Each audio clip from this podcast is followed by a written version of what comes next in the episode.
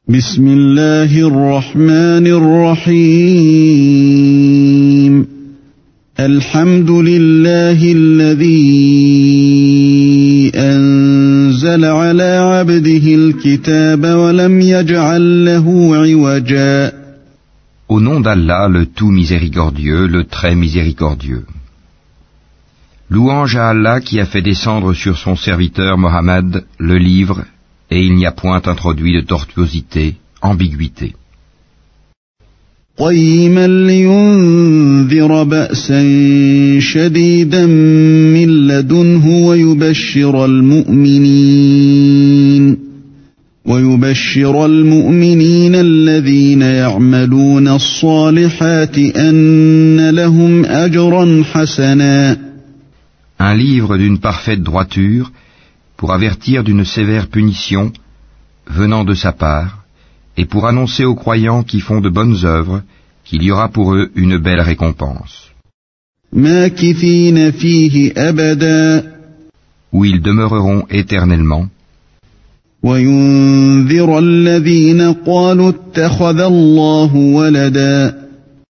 Et pour avertir ceux qui disent Allah s'est attribué un enfant.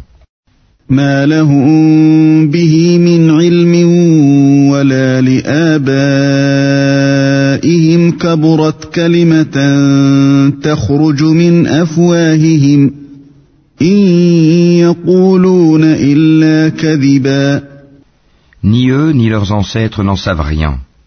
Quelle monstrueuse parole que celle qui sort de leur bouche. Ce qu'ils disent n'est que mensonge. فلعلك باخع نفسك على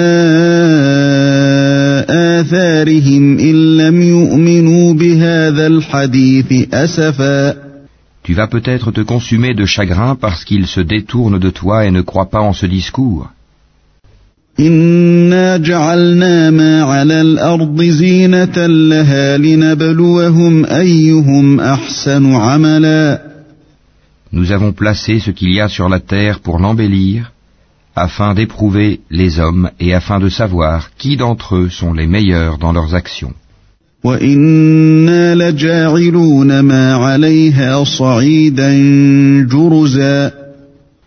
Puis nous allons sûrement transformer sa surface en un sol aride. أم حسبت أن أصحاب الكهف والرقيم كانوا من آياتنا عجبا Penses-tu que les gens de la caverne et d'Ar Rakim ont constitué une chose extraordinaire d'entre nos prodiges إذ أوى الفتية إلى الكهف فقالوا ربنا آتنا من لدنك رحمة وهيئ لنا من أمرنا رشدا Quand les jeunes gens se furent réfugiés dans la caverne, ils dirent Ô notre Seigneur, donne-nous de ta part une miséricorde et assure-nous la droiture dans tout ce qui nous concerne. فضربنا على آذانهم في الكهف سنين عددا Alors nous avons assourdi leurs oreilles dans la caverne pendant de nombreuses années. ثم بعثناهم لنعلم أي الحزبين أحصى لما لبثوا أمدا Ensuite nous les avons ressuscités afin de savoir lequel des deux groupes saurait le mieux calculer la durée exacte de leur séjour. نحن نقص عليك نبأهم بالحق إنهم فتية آمنوا بربهم وزدناهم هدى Nous allons te raconter leur récit en toute vérité. Ce sont des jeunes gens qui croyaient en leur Seigneur, et nous leur avons accordé les plus grands moyens de se diriger dans la bonne voie. وربطنا على قلوبهم إذ قاموا فقالوا ربنا رب السماوات والأرض لن ندعو من دونه إلها لن ندعو من دونه إلها لقد قلنا إذا شططا Nous avons fortifié leur cœur lorsqu'ils s'étaient levés pour dire Notre Seigneur est le Seigneur des cieux et de la terre, jamais nous n'invoquerons de divinité en dehors de lui, sans quoi nous transgresserions dans nos paroles.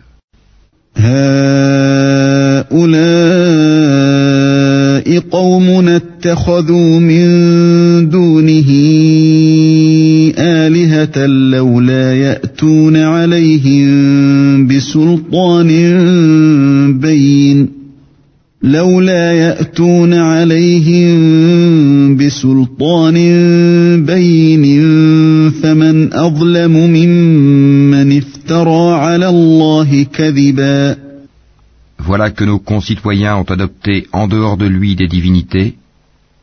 Que n'apporte-t-il sur elles une preuve évidente Quel pire injuste, donc, que celui qui invente un mensonge contre Allah وإذ اعتزلتموهم وما يعبدون إلا الله فأووا إلى الكهف ينشر لكم ربكم من رحمته ويهيئ لكم ويهيئ لكم من أمركم مرفقا Et quand vous vous serez séparés d'eux et de ce qu'ils adorent en dehors d'Allah, réfugiez-vous donc dans la caverne. Votre Seigneur répandra de sa miséricorde sur vous et disposera pour vous un adoucissement à votre sort.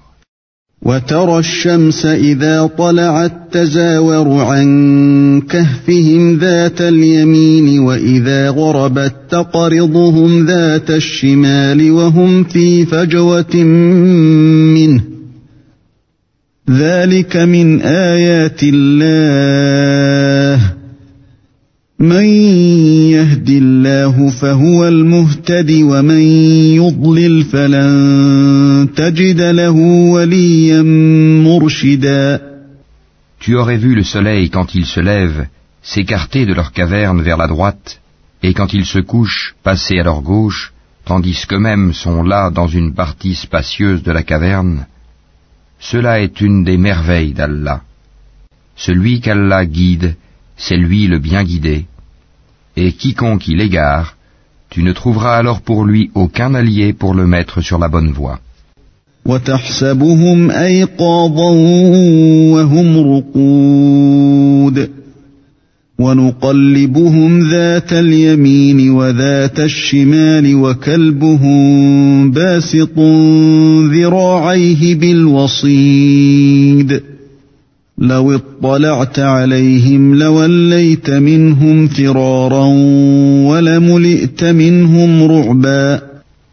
Et tu les aurais crus éveillés alors qu'ils dorment.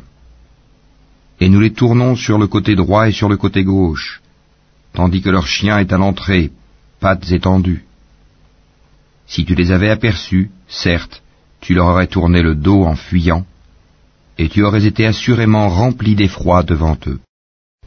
وكذلك بعثناهم ليتساءلوا بينهم. قال قائل منهم كم لبثتم؟ قالوا لبثنا يوما أو بعض يوم. قالوا ربكم أعلم بما لبثتم فابعثوا أحدكم بورقكم هذه إلى المدينة فلينظر فلينظر أيها أزكى طعاما فليأتكم برزق منه وليتلطف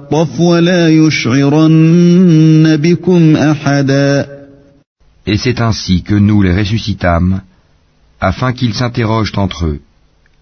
L'un parmi eux dit, Combien de temps avez-vous demeuré là? Ils dirent, Nous avons demeuré un jour ou une partie d'un jour. D'autres dirent, Votre Seigneur sait mieux combien de temps vous y avez demeuré. Envoyez donc l'un de vous à la ville avec votre argent que voici, pour qu'il voie quel aliment est le plus pur et qu'il vous en apporte de quoi vous nourrir. Qu'il agisse avec tact et qu'il ne donne l'éveil à personne sur vous. إنهم إن يظهروا عليكم يرجموكم أو يعيدوكم في ملتهم ولن تفلحوا إذا أبدا Si jamais ils vous attrapent, ils vous lapideront ou vous feront retourner à leur religion, et vous ne réussirez alors plus jamais. وكذلك أعثرنا عليهم ليعلموا أن وعد الله حق وأن الساعة لا ريب فيها وأن الساعة لا ريب فيها إذ يتنازعون بينهم أمرهم فقالوا بنوا عليهم بنيانا ربهم أعلم بهم ۖ قال الذين غلبوا على أمرهم لنتخذن عليهم مسجدا. Et c'est ainsi que nous fîmes qu'ils furent découverts, afin que les gens de la cité sachent que la promesse d'Allah est vérité, et qu'il n'y ait point de doute au sujet de l'heure.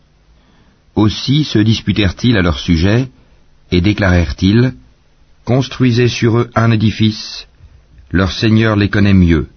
Mais ceux qui l'emportèrent dans la discussion dirent Élevons sur eux un sanctuaire.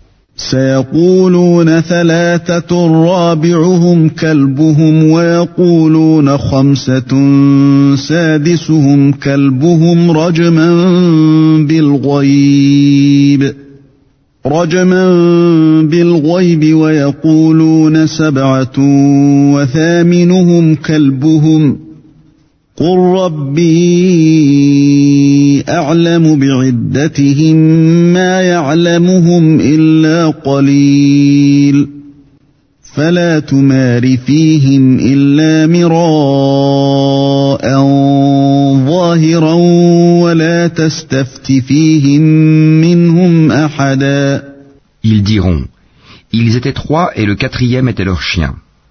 Et ils diront, en conjecturant sur leur mystère qu'ils étaient cinq, le sixième étant leur chien. Et ils diront sept, le huitième étant leur chien. Dis, Mon Seigneur connaît mieux leur nombre. Il n'en est que peu qui le savent.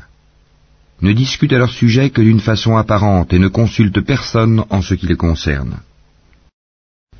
ولا تقولن لشيء إني فاعل ذلك غدا Et ne dis jamais à propos d'une chose, je la ferai sûrement demain. إلا أن يشاء الله واذكر ربك إذا نسيت وقل عسى أن يهديني ربي لأقرب من هذا رشدا Sans ajouter, si Allah le veut, et invoque ton Seigneur quand tu oublies et dis, je souhaite que mon Seigneur me guide et me mène plus près de ce qui est correct. ولبثوا في كهفهم ثلاثمائة سنين وازدادوا تسعا Or ils demeurèrent dans leur caverne trois cents ans, et en ajoutèrent neuf années.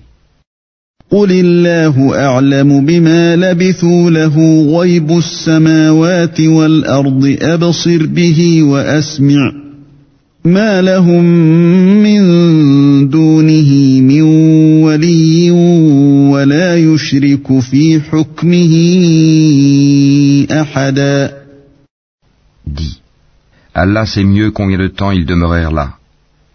À lui appartient l'inconnaissable des cieux et de la terre, comme il est voyant et audient. Ils n'ont aucun allié en dehors de lui, et il n'associe personne à son commandement.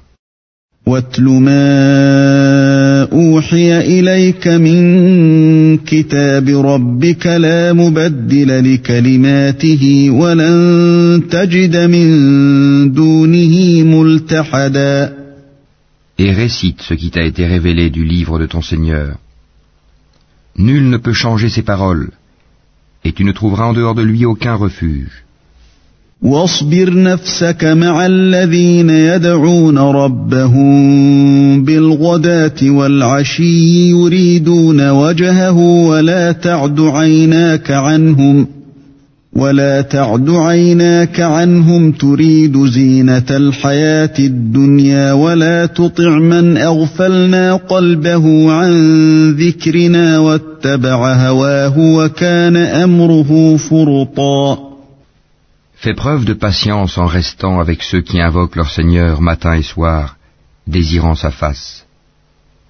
Et que tes yeux ne se détachent point d'eux en cherchant le faux brillant de la vie sur terre. Et n'obéis pas à celui dont nous avons rendu le cœur inattentif à notre rappel, qui poursuit sa passion et dont le comportement est outrancier. وقل الحق من ربكم فمن شاء فليؤمن ومن شاء فليكفر انا اعتدنا للظالمين نارا احاط بهم سرادقها وان يستغيثوا يغاثوا بماء كالمهل يشوي الوجوه بئس الشراب وساءت مرتفقا Et dis, la vérité émane de votre Seigneur. Quiconque le veut, qu'il croit, et quiconque le veut, qu'il mécroit. Nous avons préparé pour les injustes un feu dont les flammes les cernent. Et s'ils implorent à boire, on les abreuvera d'une eau comme du métal fondu brûlant le visage. Quelle mauvaise boisson et quelle détestable demeure.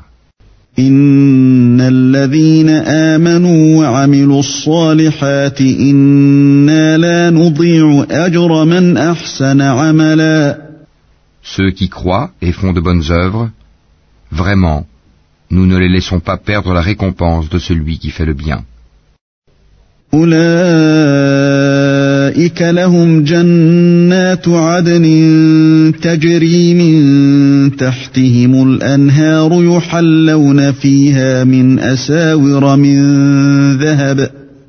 يحلون فيها من أساور من ذهب ويلبسون ثيابا خضرا من سندس واستبرق متكئين فيها متكئين فيها على الارائك نعم الثواب وحسنت مرتفقا Voilà ceux qui auront les jardins du séjour éternel sous lesquels coulent les ruisseaux. Ils y seront parés de bracelets d'or et se vêtiront d'habits verts de soie fine et de brocart, accoudés sur des divans bien ornés. Quelle bonne récompense et quelle belle demeure. واضرب لهم مثل الرجلين جعلنا لأحدهما جنتين من أعناب وحففناهما بنخل وجعلنا بينهما زرعا Donne-leur l'exemple de deux hommes. À l'un d'eux, nous avons assigné deux jardins de vignes que nous avons entourés de palmiers, et nous avons mis entre les deux jardins des champs cultivés.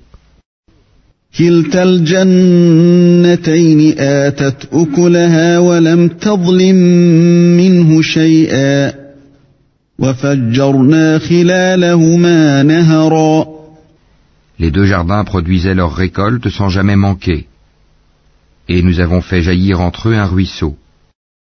وكان له ثمر فقال لصاحبه وهو يحاوره انا اكثر منك مالا واعز نفرا Et il avait des fruits, et dit alors à son compagnon avec qui il conversait, Je possède plus de biens que toi, et je suis plus puissant que toi grâce à mon clan. ودخل جنته وهو ظالم لنفسه قال ما اظن ان تبيد هذه ابدا Il entra dans son jardin, coupable envers lui-même par sa mécréance. Il dit, Je ne pense pas que ceci puisse jamais périr. وما اظن الساعه قائمه ولئن رددت الى ربي لاجدن خيرا منها منقلبا Et je ne pense pas que l'heure viendra. Et si on me ramène vers mon Seigneur, je trouverai certes meilleur lieu de retour que ce jardin. قال له صاحبه وهو يحاوره أكفرت بالذي خلقك من تراب ثم من نطفة ثم من نطفة ثم سواك رجلا. Son compagnon lui dit, tout en conversant avec lui, Serais-tu mécréant envers celui qui t'a créé de terre puis de sperme et enfin t'a façonné en homme?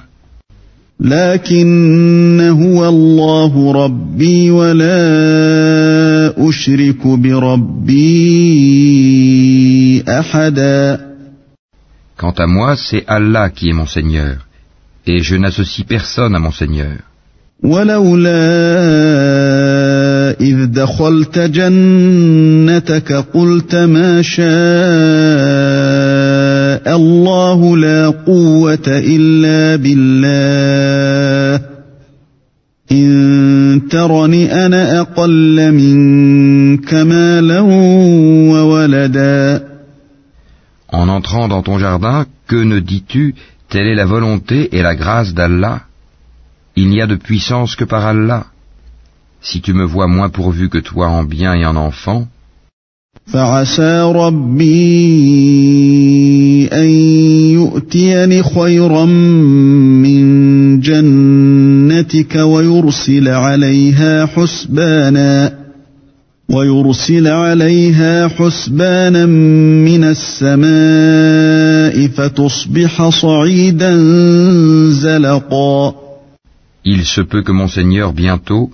me donne quelque chose de meilleur que ton jardin, qu'il envoie sur ce dernier du ciel quelque calamité et que son sol devienne glissant.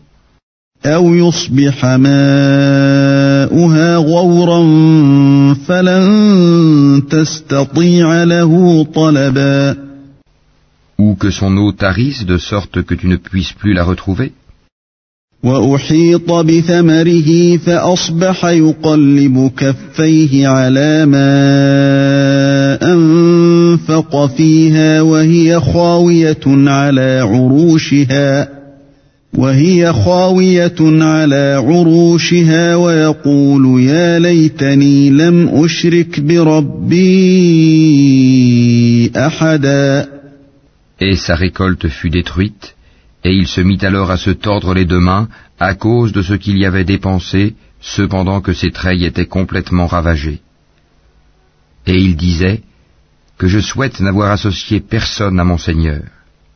ولم تكن له فئة ينصرونه من دون الله وما كان منتصرا Il n'eut aucun groupe de gens pour le secourir contre la punition d'Allah, et il ne put se secourir lui-même.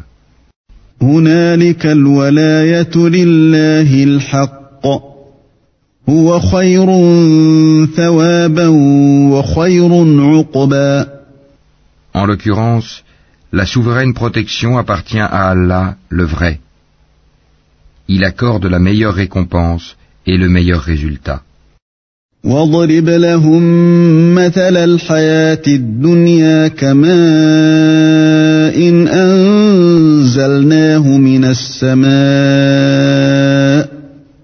كماء إن أنزلناه من السماء فاختلط به نبات الأرض فأصبح هشيما تذروه الرياح وكان الله على كل شيء مقتدرا Et propose-leur l'exemple de la vie ici-bas. Elle est semblable à une eau que nous faisons descendre du ciel. La végétation de la terre se mélange à elle, puis elle devient de l'herbe desséchée que les vents dispersent. Allah est certes puissant en toutes choses. المال والبنون زينة الحياة الدنيا والباقيات الصالحات خير عند ربك ثوابا وخير أملا Les biens et les enfants sont l'ornement de la vie de ce monde. Cependant, les bonnes œuvres qui persistent ont auprès de ton Seigneur une meilleure récompense et suscitent une belle espérance. ويوم نسير الجبال وترى الأرض بارزة وحشرناهم فلم نغادر منهم أحدا Le jour où nous ferons marcher les montagnes et où tu verras la terre nivelée comme une plaine, et nous les rassemblerons sans en omettre un seul. وعرضوا على ربك صفا لقد جئتمونا كما خلقناكم أول مرة بل زعمتم أن لن نجعل لكم موعدا Et ils seront présentés en rang devant ton Seigneur. Vous voilà venus à nous comme nous vous avons créé la première fois. Pourtant, vous prétendiez que nous ne remplirions pas nos promesses. ووضع الكتاب فترى المجرمين مشفقين مما فيه ويقولون يا ويلتنا ويقولون يا ويلتنا ما لهذا الكتاب لا يغادر صغيرة ولا كبيرة إلا أحصاها ووجدوا ما عملوا حاضرا ولا يظلم ربك أحدا Et on déposera le livre de chacun. Alors tu verras les criminels effrayés à cause de ce qu'il y a dedans dire « Malheur à nous, qu'a donc ce livre à n'omettre de mentionner ni péché véniel, ni péché capital Et ils trouveront devant eux tout ce qu'ils ont œuvré. Et ton Seigneur ne fait du tort à personne. وإذ قلنا للملائكة اسجدوا لآدم فسجدوا إلا إبليس كان من الجن ففسق عن أمر ربه أفتتخذونه وذريته أولياء من دوني وهم لكم عدو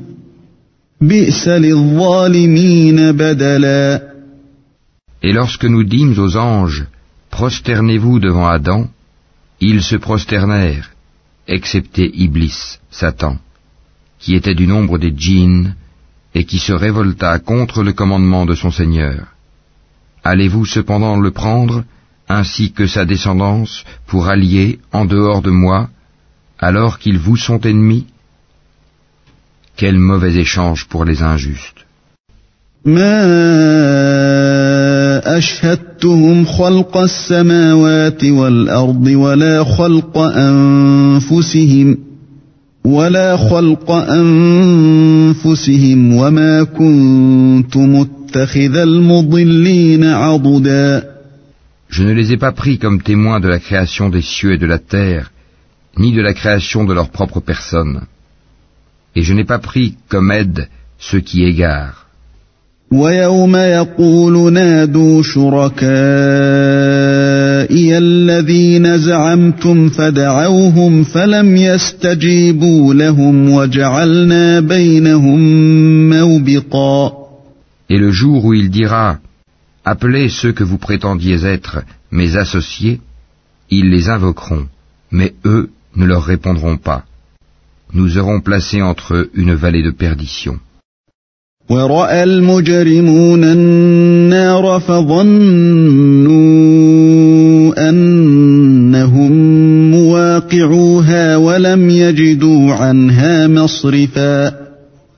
les criminels verront le feu, ils seront alors convaincus qu'ils y tomberont et n'en trouveront pas d'échappatoire.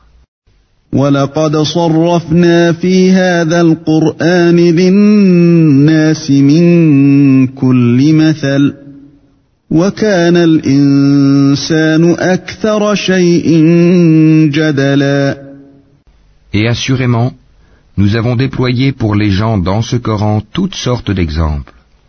L'homme cependant est de tous les êtres le plus grand disputeur.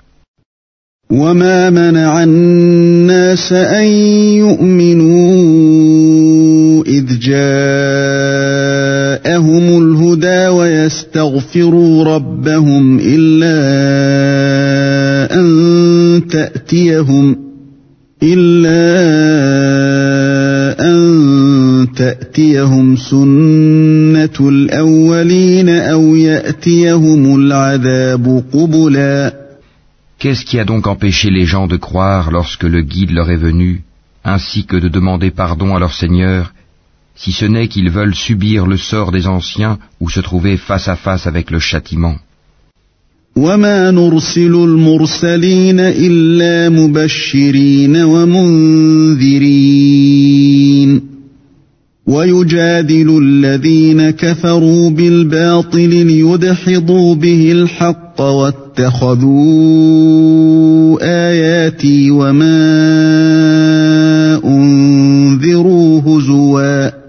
Et nous n'envoyons des messagers que pour annoncer la bonne nouvelle et avertir. Et ceux qui ont mécru disputent avec de faux arguments afin d'infirmer la vérité et prennent en raillerie mes versets, le Coran, ainsi que ce châtiment dont on les a avertis. ومن اظلم ممن ذكر بايات ربه فاعرض عنها ونسي ما قدمت يداه انا جعلنا على قلوبهم اكنه ان يفقهوه وفي اذانهم وقرا وإن تدعهم إلى الهدى فلن يهتدوا إذا أبدا Quel pire injuste que celui à qui on a rappelé les versets de son Seigneur et qui en détourna le dos en oubliant ce que ses deux mains ont commis. Nous avons placé des voiles sur leur cœur, de sorte qu'ils ne comprennent pas le Coran, et mis une lourdeur dans leurs oreilles. Même si tu les appelles vers la bonne voie, jamais ils ne pourront donc se guider.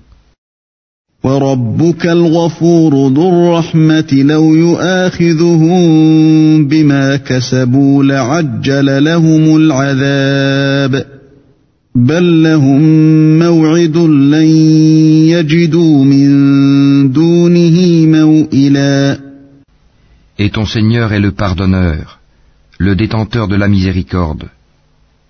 S'ils s'en prenaient à eux pour ce qu'ils ont acquis, il leur hâterait certes le châtiment.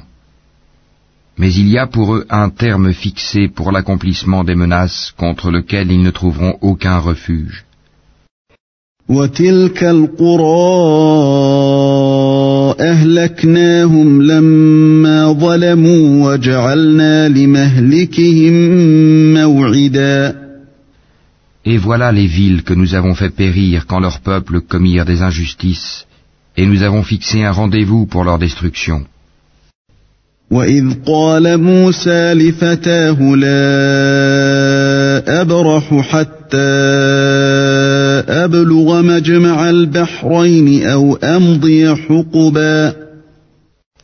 Rappelle-toi quand Moïse dit à son valet Je n'arrêterai pas avant d'avoir atteint le confluent des deux mers, dussé-je marcher de longues années.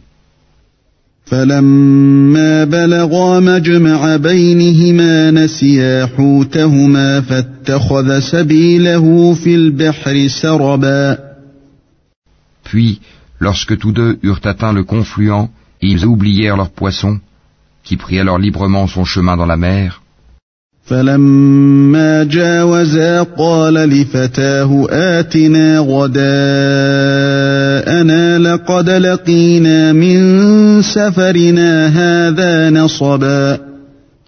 Puis, lorsque tous deux eurent dépassé cet endroit, il dit à son valet, Apporte-nous notre déjeuner, nous avons rencontré de la fatigue dans notre présent voyage.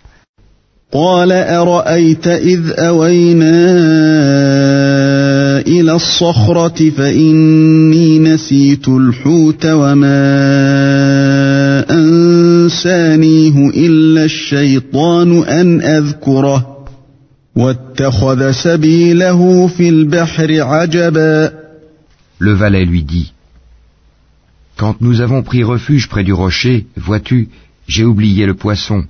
Le diable seul m'a fait oublier de te le rappeler. Et il a curieusement pris son chemin dans la mer.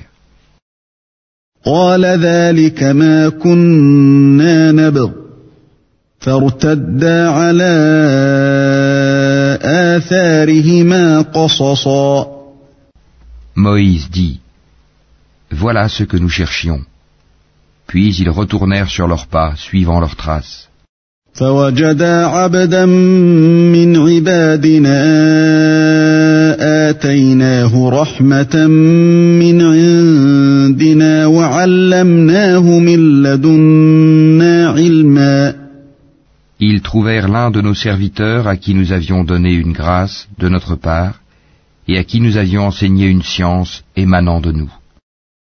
قال له موسى هل أتبعك على أن تعلمني مما علمت رشدا Moïse lui dit, Puis-je te suivre à la condition que tu m'apprennes de ce qu'on t'a appris concernant une bonne direction قال إنك لن تستطيع معي صبرا L'autre dit, Vraiment, tu ne pourras jamais être patient avec moi.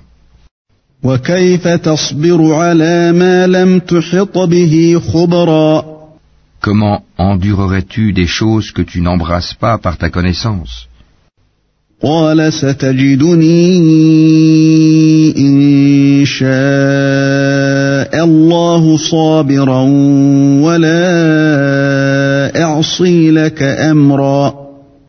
Moïse lui dit, Si Allah veut, tu me trouveras patient et je ne désobéirai à aucun de tes ordres.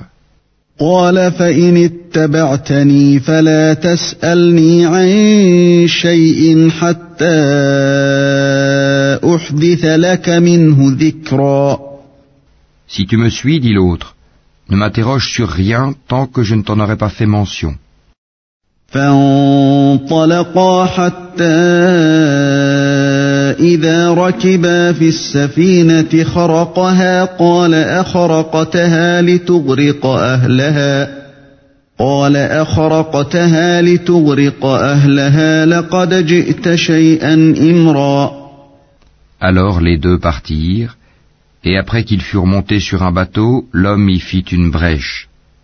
Moïse lui dit, Est-ce pour noyer ses occupants que tu l'as ébréché Tu as commis certes une chose monstrueuse.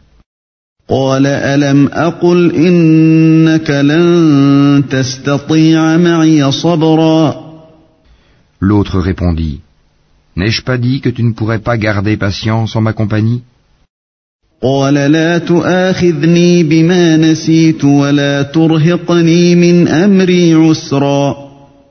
Ne t'en prends pas à moi, dit Moïse, pour un oubli de ma part, et ne m'impose pas de grandes difficultés dans mon affaire. فانطلقا حتى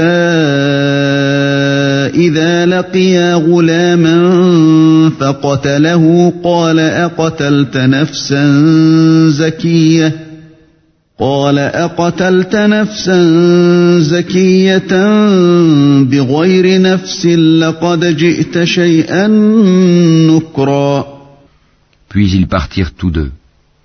Et quand ils eurent rencontré un enfant, l'homme le tua.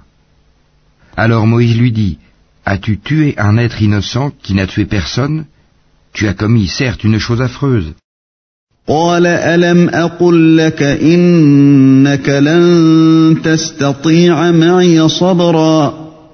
L'autre lui dit, Ne t'ai-je pas dit que tu ne pourrais pas garder patience en ma compagnie?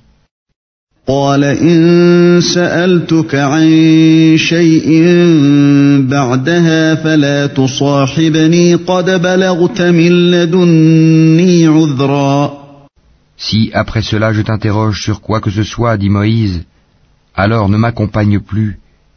Tu seras alors excusé de te séparer de moi. فانطلقا حتى إذا أتيا أهل قرية استطعما أهلها فأبوا أن يضيفوهما فأبوا أن يضيفوهما فوجدا فيها جدارا يريد أن ينقض فأقامه قال لو شئت لاتخذت عليه أجرا Ils partirent donc tous deux, et quand ils furent arrivés à un village habité, Ils demandèrent à manger à ses habitants, mais ceux-ci refusèrent de leur donner l'hospitalité. Ensuite, ils y trouvèrent un mur sur le point de s'écrouler. L'homme le redressa. Alors Moïse lui dit, Si tu voulais, tu aurais bien pu réclamer pour cela un salaire.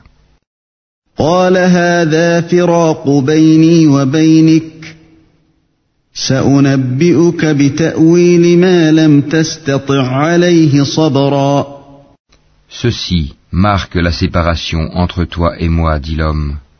Je vais t'apprendre l'interprétation de ce que tu n'as pas pu supporter avec patience. أما السفينة فكانت لمساكين يعملون في البحر فأردت أن أعيبها وكان وراءهم ملك وكان وراءهم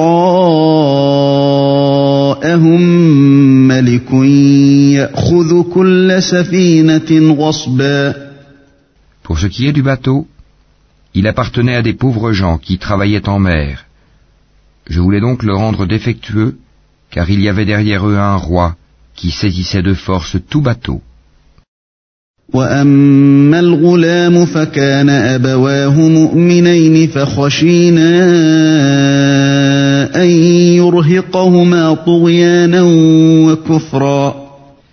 Quant aux garçons, ses pères et mères étaient des croyants, nous avons craint qu'il ne leur imposât la rébellion et la mécréance.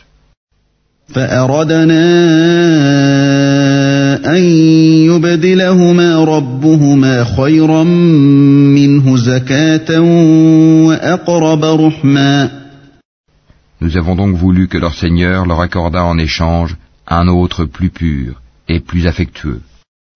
واما الجدار فكان لغلامين يتيمين في المدينة وكان تحته كنز لهما وكان ابوهما صالحا وكان ابوهما صالحا فاراد ربك ان يبلغا اشدهما ويستخرجا كنزهما رحمه من ربك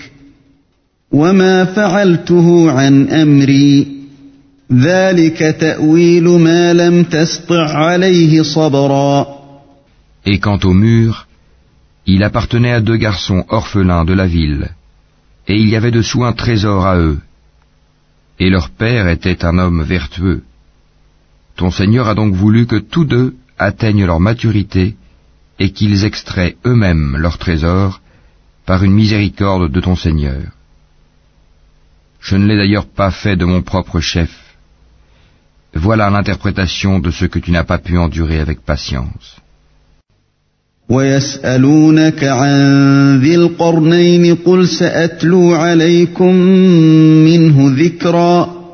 Et il t'interroge sur Dul Karnain. Dis, je vais vous en citer quelques faits mémorables.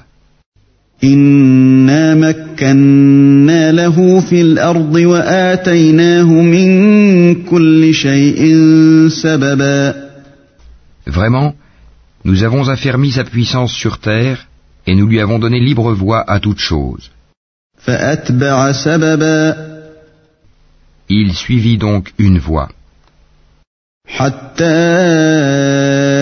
إذا بلغ مغرب الشمس وجدها تغرب في عين حمئة ووجد عندها قوما قلنا يا ذا القرنين إما أن تعذب وإما أن تتخذ فيهم حسنا.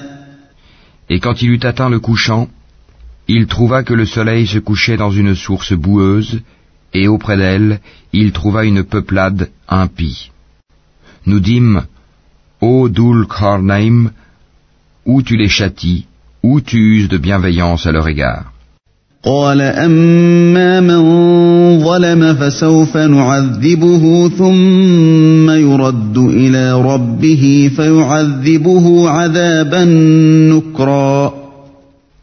Il dit, Quant à celui qui est injuste, nous le châtierons, ensuite il sera ramené vers son Seigneur qui le punira d'un châtiment terrible. واما من امن وعمل صالحا فله جزاء الحسنى وسنقول له من امرنا يسرا Et quant à celui qui croit et fait bonne œuvre, il aura en retour la plus belle récompense, et nous lui donnerons des ordres faciles à exécuter. ثم أتبع سببا Puis il suivit une autre voie, حتى إذا بلغ مطلع الشمس وجدها تطلع على قوم لم نجعل لهم من دونها سترا et quand il eut atteint le levant, il trouva que le soleil se levait sur une peuplade à laquelle nous n'avions pas donné de voile pour s'en protéger.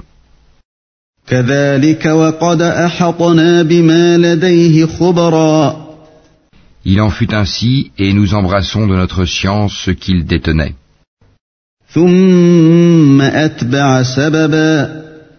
Puis il suivit une autre voie.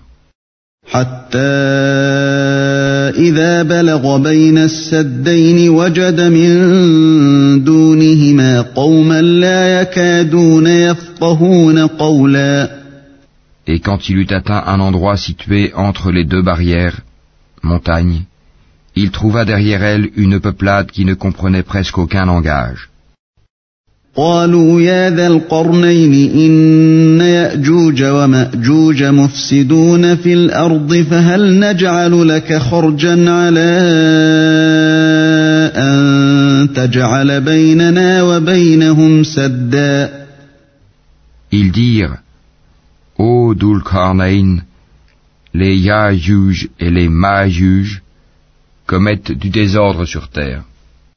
Est-ce que nous pourrons t'accorder un tribut pour construire une barrière entre eux et nous قال ما مكني فيه ربي خير فأعينوني بقوة أجعل بينكم وبينهم ردما Il dit, Ce que mon Seigneur m'a conféré vaut mieux que vos dons. Aidez-moi donc avec votre force, et je construirai un remblai entre vous et eux. آتوني زبر الحديد حتى إذا ساوى بين الصدفين قال انفخوا حتى إذا جعله نارا حتى إذا جعله نارا قال آتوني أفرغ عليه قطرا Apportez-moi des blocs de fer. Puis, lorsqu'il en eut comblé l'espace entre les deux montagnes, il dit Soufflez. Puis, lorsqu'il eut rendu une fournaise, il dit Apportez-moi du cuivre fondu, que je le déverse dessus.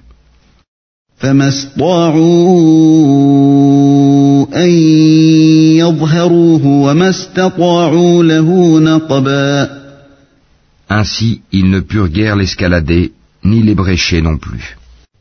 قال هذا رحمة من ربي فإذا جاء وعد ربي جعله دكاء وكان وعد ربي حقا Il dit, C'est une miséricorde de la part de mon Seigneur, mais lorsque la promesse de mon Seigneur viendra, il le nivellera. Et la promesse de mon Seigneur est vérité. وتركنا بعضهم يومئذ يموج في بعض ونفخ في الصور فجمعناهم جمعا Nous les laisserons ce jour-là déferler comme les flots les uns sur les autres, et on soufflera dans la trompe, et nous les rassemblerons tous. وعرضنا جهنم يومئذ للكافرين عرضا Et ce jour-là nous présenterons de près l'enfer aux mécréants. الذين كانت أعينهم في غطاء عن ذكري وكانوا لا يستطيعون سمعا dont les yeux étaient couverts d'un voile qui les empêchait de penser à moi, et ils ne pouvaient rien entendre non plus. أفحسب الذين كفروا أن يتخذوا عبادي من دوني أولياء إنا أعتدنا جهنم للكافرين نزلاً Ceux qui ont mécru, comptent-ils donc pouvoir prendre pour alliés mes serviteurs en dehors de moi nous avons préparé l'enfer comme résidence pour les mécréants.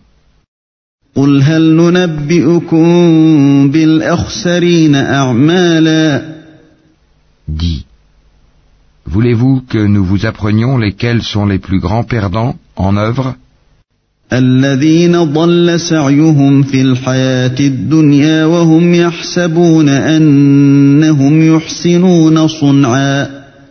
Ceux dont l'effort dans la vie présente s'est égaré alors qu'ils s'imaginent faire le bien.